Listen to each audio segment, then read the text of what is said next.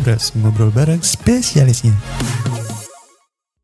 Halo, selamat sore bunda-bunda sekalian yang mungkin sekarang entah lagi di rumah atau lagi menyimak podcast ini di tempat-tempat lain. Bisa di mobil, bisa di kantor. Ya, semoga kalian selalu diberkati kesehatan di mana pun kalian berada. Oke, uh, bareng lagi di Puri Bunda di Ngobrol Bareng Spesialisnya. Untuk episode kali ini, kita punya satu spesialis yang rada khusus nih, yakni dokter spesialis bedah plastik. Loh, kok dokter spesialis bedah plastik bisa ada di rumah sakit ibu dan anak sih? Hmm, saya juga penasaran sih. Jadi tanpa basa-basi, langsung kita sapa saja spesialis kita hari ini. Dokter Lolita Lumintang. Halo dokter. Halo Rin, apa kabar?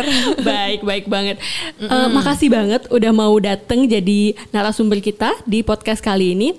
Uh, Oke, okay, tanpa basa-basi lagi, saya mau langsung nanya nih, kenapa seorang dokter bedah plastik bisa ada di rumah sakit ibu dan anak? Itu gimana tuh ceritanya? Kalau anak muda zaman sekarang jawabannya why not gitu ya. Kalau saya saya langsung jawab aja ya. Uh, pertama sih saya tertarik dengan visi dari Puri Bunda ya. Jadi sejak pertama kali kenal sama Dr. Smadi, beliau-beliaunya senior-senior di sini itu bahwa yang dipertimbangkan adalah holistic treatment buat ibu maupun buat anak. Jadi uh, dengan konsek, uh, dengan konsekuensi kan kadang-kadang melahirkan ada problem seperti bekas luka, kemudian kadang-kadang uh, kita butuh juga ada terapi lanjutan buat anak-anak yang lahir mungkin dengan kekhususan-kekhususan tertentu uh, di tubuhnya, sehingga mungkin saya saya merasa bahwa bedah plastik bisa memegang peranan di situ. Oh, jadi dan itu sangat menarik sekali karena sulit saya cari rumah sakit yang berpikir sejauh itu gitu. Singkat kata, jadi awalnya tuh karena mungkin agak penasaran ya, kok ada rumah sakit yang memikirkan sampai ibu dan anak sampai sejauh itu gitu. Karena kan biasanya ya, ya. itu menarik hmm. banget. Iya. Kayaknya saya ya saya belum melahirkan dan belum punya anak. Saya tapi, juga belum, Dok. Yes. kayaknya sih sangat jarang ya, sangat jarang mungkin nggak ada yang berpikir karena saya belum uh, pernah tahu ada rumah sakit ibu dan anak yang punya bedah plastik sejauh ini. Mungkin setelah ini menginspirasi ya. Sepertinya ya, sepertinya setahu Wah, saya ya. Tahu-tahu jadi tren nih, ampun. Amin, amin. Biar semua ibu-ibu di Indonesia uh, punya bedah plastik yang mereka percaya ya. Hmm. Karena saya sendiri, saya sama, kita sama seperti dokter, saya pribadi belum pernah melahirkan dan segala macamnya. Tapi uh, pengalaman dari teman-teman saya dan ibu teman-teman saya, mereka kan pasti banyak merasakan keluhan yang ternyata nggak cuma keluhan oh capek atau sakit menyusui, tapi oh perut saya melar atau oh ada yeah, hipermenasi yeah. item-item nggak hilang nih yeah, segala macam exactly. ada stretch mark gitu loh dan uh, saya juga baru tahu nih gitu bahwa ternyata ada tempat yang mikirin sampai segitunya gitu loh dan yeah, yeah. bahwa dokter juga bersedia gitu jadi bagian dari tentu why not? why not? itu. Ya ya. Itu malah sebuah penghargaan gitu. Karena sudah ada tim yang luar biasa. Istilah kata di sini timnya ready banget. Dari sebelum punya anak sudah bisa direncanakan. Sampai kehamilan juga ada dokternya. Mm -hmm. sampai melahirkan juga ada dokternya, bahkan sampai pasca melahirkan ada dokternya. Paket itu, lengkap ya, ya dari sebelum perencanaan ya, hamil ya, ya. sudah melahirkan ya, sampai ada anaknya. Ya, ya. Aduh. Uh, tapi kalau boleh tahu nih dari pengalaman-pengalaman dokter sebelumnya sebagai hmm. dokter bedah plastik, kalau ada tiga aja keluhan yang paling sering disampaikan sama ibu-ibu setelah pasca persalinan itu apa aja? Tiga aja kalau bisa bisa disebut. Tiga apa dua belas? Tiga aja Aduh. ya. Saya kok dua belas takut juga jawabnya. saya juga iya. takut dengernya uh, Oke. Okay. Uh, eh, yang sering kali sih saya dapatkan itu pertama uh, ketika otomatis ya. Ketika setelah melahirkan kan kita tahu bahwa uh, perut atau abdomen di dunia hmm. kedokteran kami menyebutnya abdomen itu ketika saat hamil kan berkembang. Nah kemudian setelah bayinya lahir kan mengempis tuh tapi kantong yang sudah terstretch tadi itu tetap di situ oh. gitu. Jadi sering kali mereka mengeluhkan, "Dok, saya sudah olahraga, lari, nge-gym kok tetap aja ya gelambir." Walaupun kelihatan waktu pakai baju nih, nggak terlalu kelihatan uh, uh, gitu ya. Yang kurus-kurus, tapi itu kalau sebenarnya dibuka apalagi persalinan sudah kedua dan ketiga itu sangat signifikan. Itu yang pertama. Dan yang kedua uh, kedua adalah biasanya uh, tekuan pinggang yang sebelumnya mungkin uh, bagus sekali itu bisa berkurang atau bahkan hilang karena otot-otot uh, yang di perut itu merenggang. Itu yang kedua. Yang ketiga, sering kali habis menyusui itu ibu-ibu sedih karena uh, posisi payudaranya turun. Oh. Turun. Walaupun memang itu sebenarnya bisa dua penyebab yang menjadi satu gitu. Satu karena memang kelenjar air susunya sudah digunakan. Uh, yang kedua juga memang aging proses kita semua akan ngalamin semua perempuan akan ngalamin gitu. Jadi seiring dengan umur memang juga memang kekencangan berbagai hal juga akan menurun yes, gitu yes. ya. Dan ya itu. Kemudian mungkin saya bonusin yang keempat. Jadi kadang-kadang muncul melasma atau hiperpigmentasi di beberapa area dan varises misalnya itu juga salah satu yang sering dikeluhkan gitu. Itu kalau yang berhubungan dengan uh, kehamilan ya atau ibu dan uh, ibu dan proses melahirkan dan sebagainya. Oke, okay.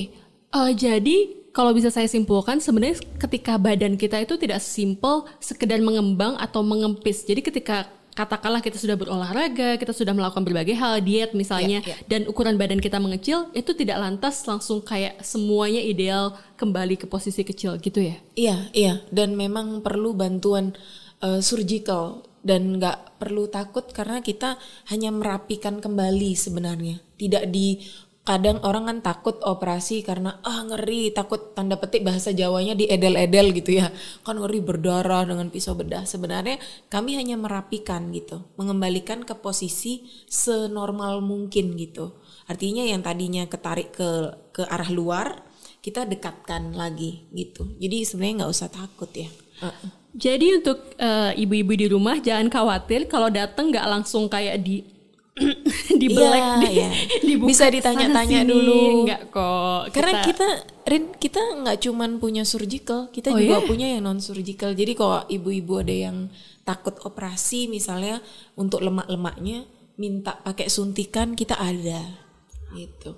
Wah saya kan nggak ngerti yang kayak gini-gini ya dok. Sebenarnya yang nggak surgical itu apa aja sih yang kalau boleh tahu layanan yang ada ya Puri Bunda itu yang saya luar biasa ya. Satu yang uh, mereka join uh, harapkan dari dari saya gitu hmm. dan dari tim estetiknya kita maupun tim rekonstruksi di bedah plastik kita Dahayu itu adalah uh, tidak cuman non surgical yang sifatnya untuk ibu saja tapi juga untuk aging proses. Jadi kalau boleh saya sekalian menyampaikan.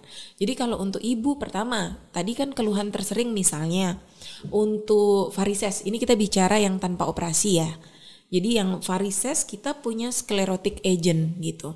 Jadi kita bisa nanganin tentu dengan eh, klasifikasi-klasifikasi uh, tertentu yang bisa ditangani oleh sclerotic agent.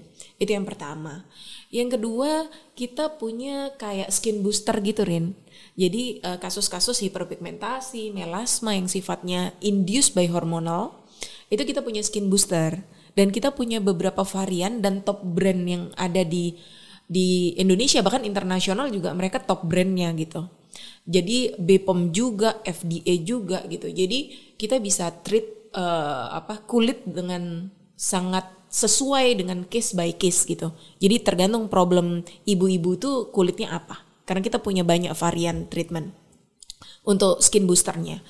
Terus yang ketiga mungkin uh, yang non surgical itu biasanya kalau ibu-ibu juga datang dengan dok saya capek rawat anak saya muncul mulai kerutan matanya mulai hitam di area sini atau mulai karena berat badan turun karena tengah malam melean terus ininya cekung dan sebagainya kita juga bisa jadi kita punya thread lift kita punya filler dan kita punya botox gitu di sini untuk non surgical ya oke okay. jadi uh saya dengernya aja kayak listnya udah banyak banget ya. Jadi kalau misalnya memang ada yang mau nanya-nanya atau lebih tahu lebih banyak soal layanan ini, bisa langsung nanti hubungi ke PIC-nya Dahayu, nanti bisa disertakan di kolom bawah.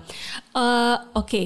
jadi kalau saya nggak salah tangkap nih, jadi yang kita punya di sini, yang Puri Bunda punya di sini, itu nggak sekedar eh, masalah-masalah uh, yang muncul sesudah disebabkan karena persalinan, seperti yang tadi dok bilang yang dibonusin sampai 4, mm -mm. tapi juga masalah-masalah yang muncul sesudahnya ya. Jadi kayak misalnya menyusui, capek atau memang karena naturalnya kan kita semua menua dan segala macamnya Iya, iya. apalagi Kalau kita capek, sebut stres. mungkin aging proses ya. Iya.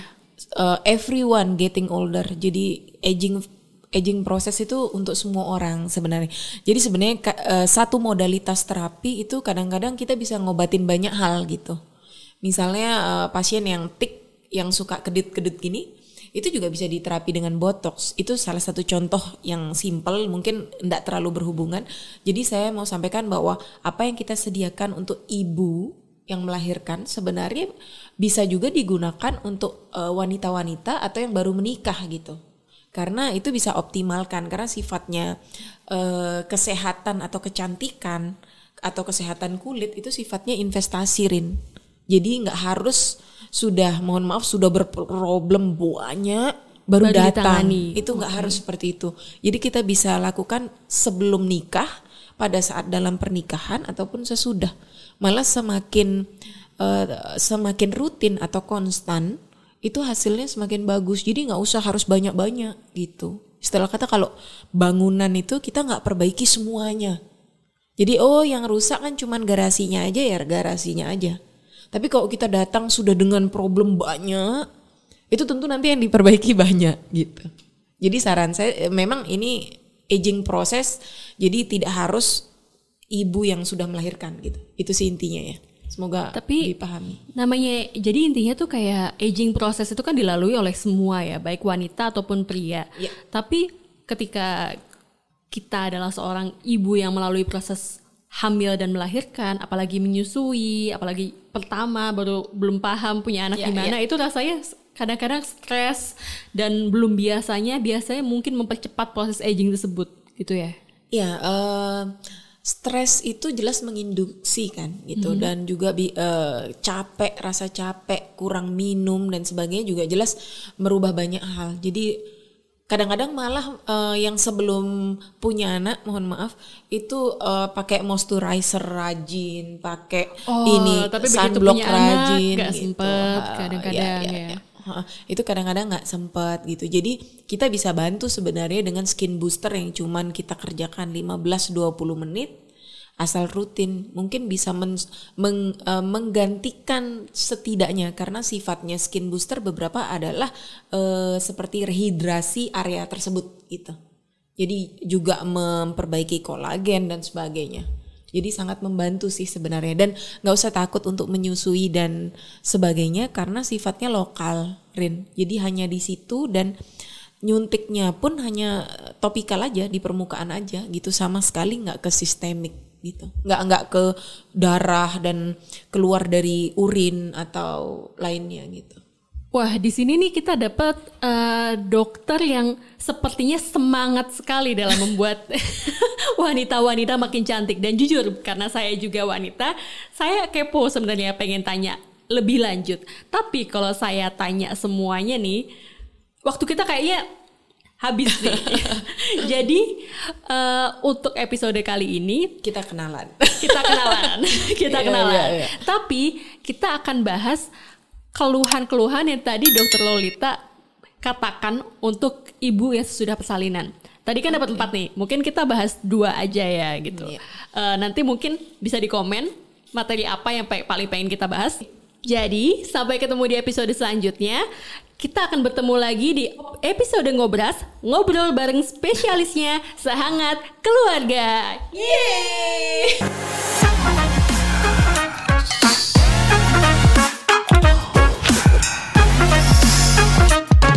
Ngobras, ngobrol bareng spesialisnya.